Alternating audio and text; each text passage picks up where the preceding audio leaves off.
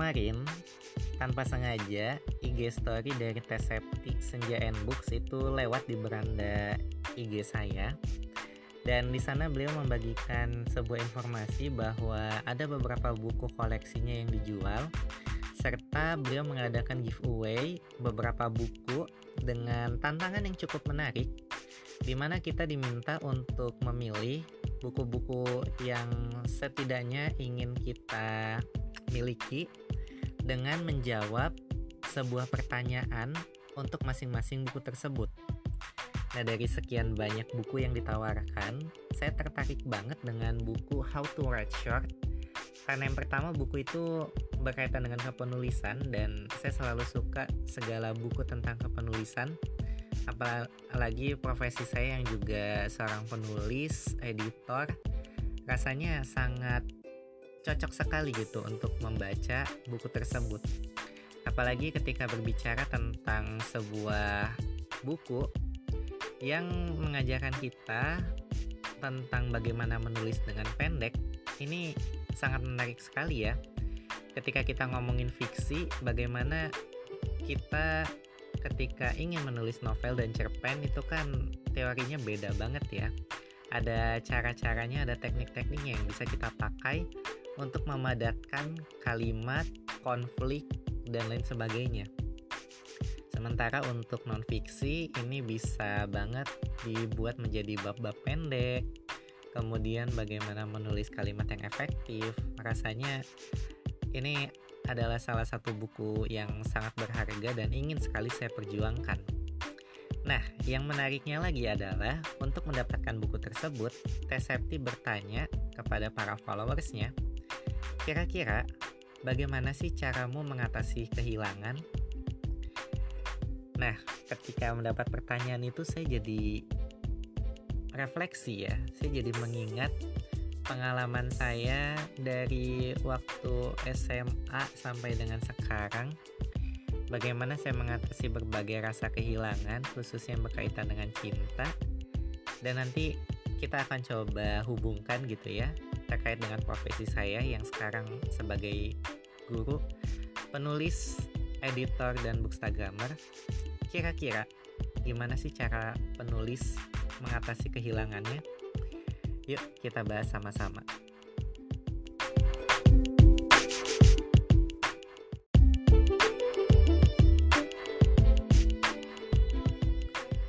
Oke, jadi kita mulai mungkin bahwa pada dasarnya saya bukan tipe orang yang terlalu baper gimana gitu ya. Dari kecil saya tuh nggak terlalu pusingan gitu orangnya ya simple lah. Ibaratnya ketika dulu ada masa di mana saya pernah membawa banyak sekali komik gitu ya buku-buku ke sekolah terus dipinjem sama teman-teman saya bawa 10 dipinjam 8 besoknya balik cuma 5 habis itu dipinjam lagi 8 gitu ya. Lalu besok-besoknya cuma dibalikin 3 dan seterusnya sampai akhirnya koleksi saya yang awalnya lengkap di bolong-bolong ya udah gitu. Maksudnya saya dulu pasrah gitu. Ketika ada temen juga yang meminjam buku Harry Potter saya. Waktu itu juga ada dua sih kasusnya. Harry Potter kelima yang paling tebel. Itu dulu dipinjam satu orang terus uh, dipinjemin lagi ke temennya. Dari temennya dipinjemin lagi ke temennya temennya. Dan muter lagi sampai akhirnya nggak tahu ujungnya ke mana dipinjam sama siapa. Itu nggak ada catatannya sama sekali. Udah aja itu udah pasrah lah. Pasrah lagi gitu ya. Udah nggak ngerti harus diapain apalagi ketika pas menjelang lulus SMA waktu itu baru keluar terbit buku terakhir Harry Potter ya buku ketujuh di mana saya baru megang itu selama kurang dari seminggu loh. Lalu dipinjam sama temen yang waktu itu sama-sama tergabung di komunitas Laskar Dumbledore ya. Jadi saya pikir ya dia sama-sama senang Harry Potter ya udahlah ya gitu pinjemin aja eh nggak taunya dia minjemin itu untuk dipinjemin lagi ke pacarnya. Dan sebulan kemudian mereka putus dong. Aduh itu udah nggak tahu lagi. Tahu sendiri lah ya yang namanya udah jadi mantan mah udah susah lah untuk komunikasi nggak enak gitu kan mau nagih-nagih dan lain sebagainya. Hingga akhirnya ya udah buku itu udah nggak jelas lagi mau saya tagih-tagih juga dia udah kayak nggak ada uh, apa istilahnya ya udah kayak nggak ada keinginan lagi lah untuk uh, berusaha mengembalikan hak yang saya miliki gitu. Dan ya udah akhirnya dilepas aja gitu. Udah udah terserah lah pokoknya biar nanti kalau masih rezeki mah bakal ketemu lagi gitu. Kalau misalkan dia masih niat untuk mengganti ya mungkin suatu hari akan diganti dengan sesuatu yang lain tapi ya udah itu untuk konteks buku gitu ya untuk konteks barang nah tapi yang pengen saya ceritain di sini adalah ketika dulu saya pernah kehilangan rasa yang pernah ada. Aduh. Lebih tepatnya mungkin kepercayaan sih ya. Saya dulu pernah ada satu masa di mana orang tua saya tuh punya satu pesan gitu ya. Gih katanya. Kalau misalkan suka sama seseorang itu perjuangkan. Maksudnya uh, beliau tidak menyarankan saya untuk main-main artinya yang namanya komitmen itu harus penuh hati ketika ada satu orang yang mau sama-sama berjuang ya udah uh, ikatan itu akan saya coba jaga dan harapannya ya sampai jadi gitu bukan berhenti di tengah jalan terus cari yang baru dengan mudahnya enggak. Nah waktu itu uh, ada satu kejadian di mana saya punya orang yang cukup dekat gitu ya dengan saya. Hubungan kami sudah cukup lama uh, sekitar berapa itu ya? 7 bulan 8 bulan kayaknya. Dan itu udah lumayan lah ya udah udah lumayan dekat di mana waktu itu juga udah ketemu orang tuanya udah ya sempat diajak kondangan gitu ya uh, ke tempat nikahan saudaranya dan sebagainya. Saya pikir ya mungkin dia serius gitu ya untuk menjaga komitmen ini. Lalu apa yang terjadi? Justru tepat di hari ulang tahun saya ketika saya berharap dia akan memberikan sesuatu yang spesial eh ternyata ternyata dong. Amin satu dia minta putus. Dia minta putus terus uh, HP-nya hilang ya uh, nomornya tidak aktif selama beberapa hari ke depan. Dan hampir seminggu kayaknya. Pokoknya kayak lama banget berhari-hari dia tiba-tiba nongol lagi terus minta maaf habis itu bilang maaf ya aku kemarin cuma prank. Ya ampun.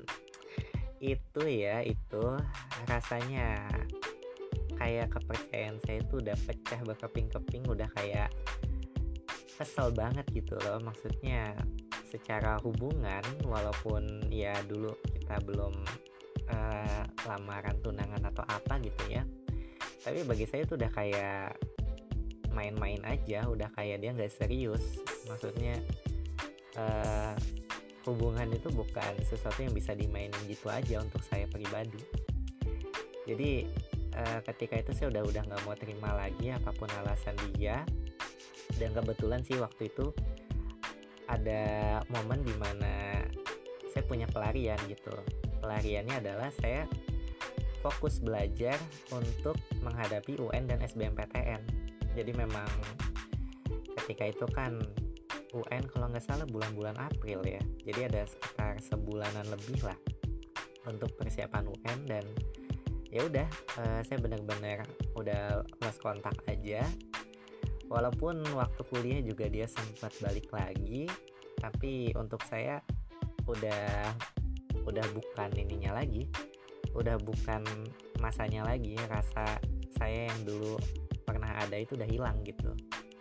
Akhirnya ya udah e, mau dia ngomong sembah sujud dan sebagainya saya udah nggak mau terima dia lagi dan ternyata ketika kami putus gitu ya eh orang tua saya ngomong dong oh lagi putus ya? Alhamdulillah tuh da mama papa juga sebetulnya nggak terlalu seret sih. Ya ampun. Jadi memang mungkin doa orang tua juga gitu ya. Ya bodor sih itu mah. Artinya untuk uh, langkah pertama ini untuk mengatasi kehilangan kita harus punya kesibukan yang baru sih. Jadi kecewa pasti gitu ya sedih ya udah itu nggak bisa dipungkiri. Tapi bagaimana kita mau melangkah lagi itu kan butuh proses. Dan kita harus mengalihkan perhatian kita gitu ya dari kesedihan dengan hal-hal lain. Ya kalau saya dulu pelariannya adalah dengan itu ya dengan belajar gitu. Mungkin yang lain juga ada yang dengan traveling ada yang dengan jalan-jalan ada yang dengan makan ada yang dengan main gitu. Tiap orang beda-beda lah. Firsa Besari juga ketika dulu dia udah dekat sama seseorang terus waktu udah dipersiapkan untuk nikah loh. Dana nikahnya udah ada eh ternyata ceweknya lari dong. Kayaknya nggak tahu selingkuh nggak tahu uh, jalan dengan yang lain gitu. Pokoknya nggak mau ngelanjutin aja dan nggak bisa ngelanjutin. Itu ya patah hati sepatah-patahnya bener-bener Bung Firsa itu make duit nikahannya ya persiapan untuk nikahnya itu untuk berkeliling Indonesia. Dan dari sana eh, sepulang dari situ beliau dapat banyak pengalaman dan akhirnya menelurkan karya-karya baru gitu lagu-lagu baru yang kemudian mengubah sudut pandang dia dan mungkin mengubah juga uh, genre-genre gitu ya pesan-pesan yang disampaikan lewat karyanya. Kalau nggak ada patah hati itu mungkin kita nggak akan kenal gitu dengan Bung Firsa yang sekarang. Ya itu adalah salah satu momentum juga sih ya salah satu hikmah lah dari kehilangan itu. Nah eh, ngomongin tentang nikah juga memang ada banyak gitu ya kasus orang-orang yang ditinggal nikah. Saya pribadi juga dulu sempat penasaran gitu ya emang gimana sih rasanya ditinggal nikah? Eh beneran dong.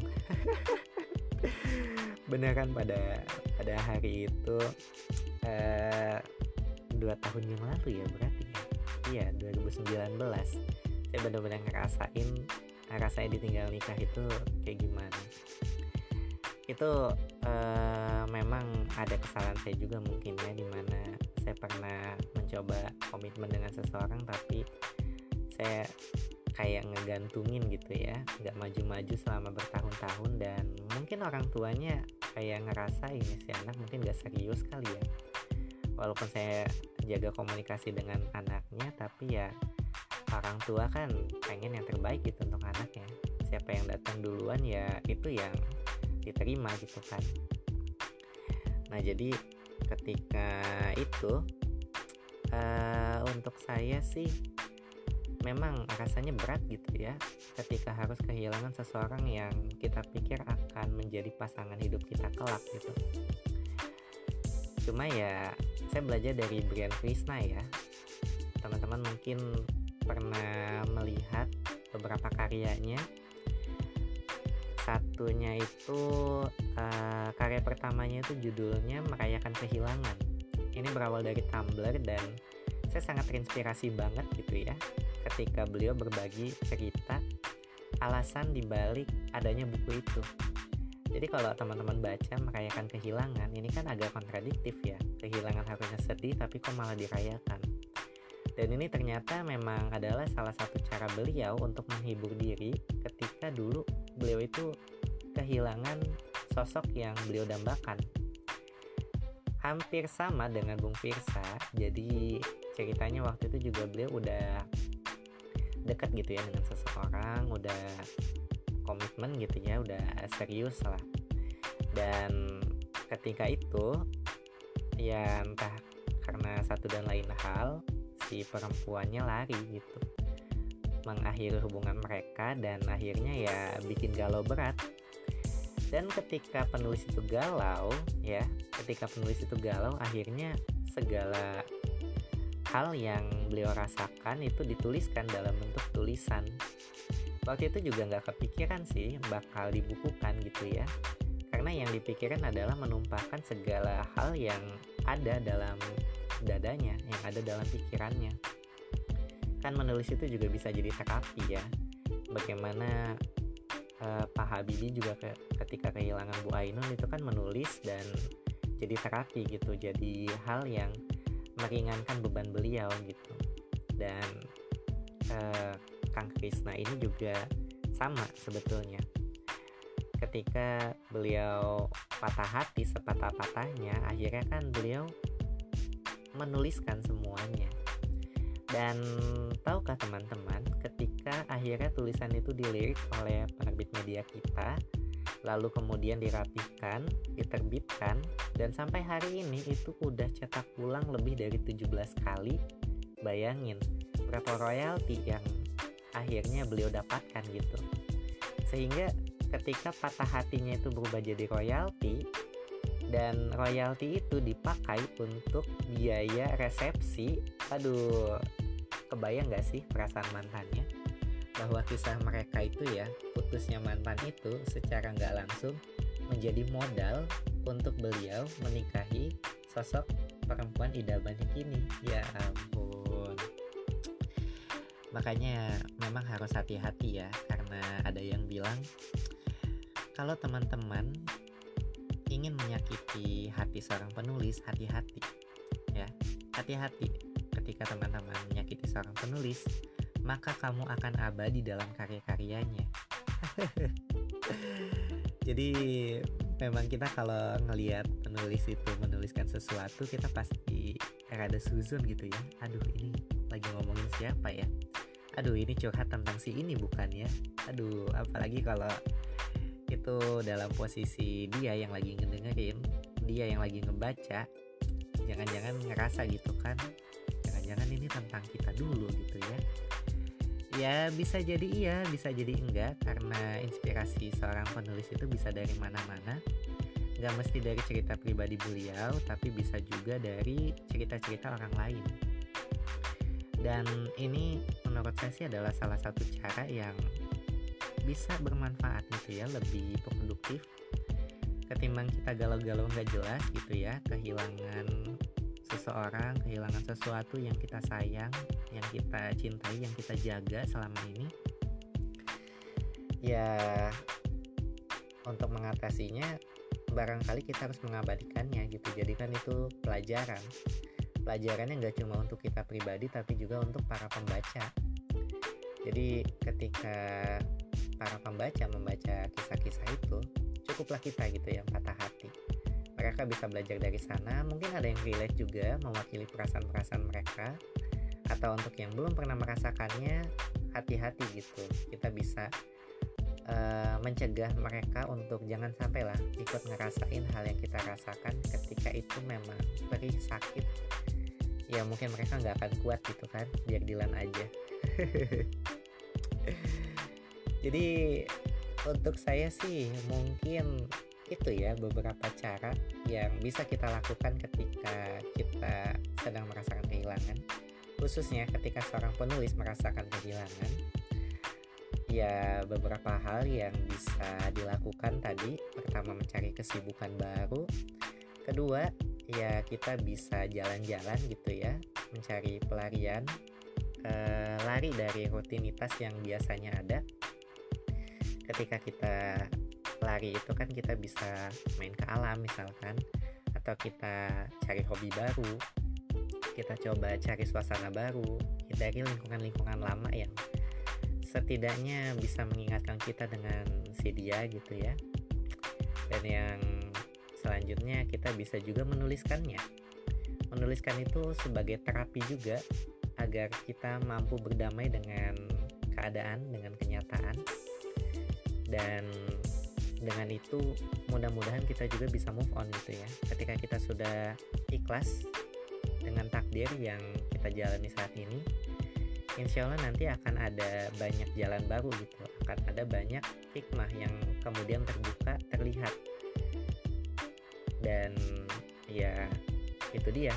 Ketika kita sudah mampu uh, dan mengetahui bahwa inilah jalan yang terbaik untuk kita maka yakinlah bahwa Allah pasti akan memberi kita balasan.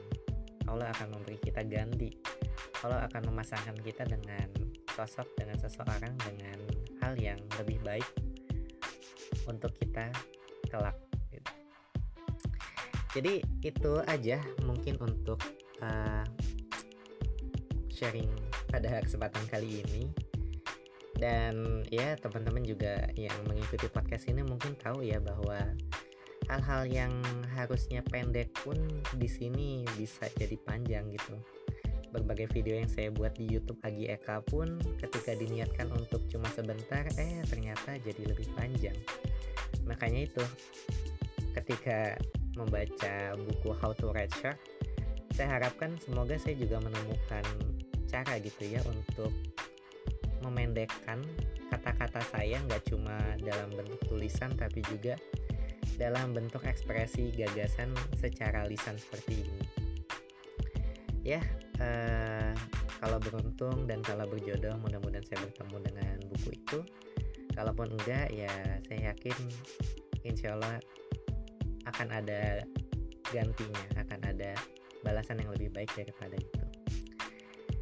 Well, itu saja untuk kesempatan kali ini. Menurut kalian seperti apa? Kalau misalkan ada pandangan lain kalian boleh kirim voice note atau mungkin juga DM saya di IG Agi dan kita akan diskusi lebih lanjut di sana. Terima kasih dan semoga bermanfaat. Kalau misalkan kalian uh, merasakan kehilangan, mudah-mudahan beberapa tips, beberapa cara yang dibagikan dalam episode kali ini bisa bermanfaat untuk kalian semua. Atur nuhun dan wassalamualaikum warahmatullahi wabarakatuh.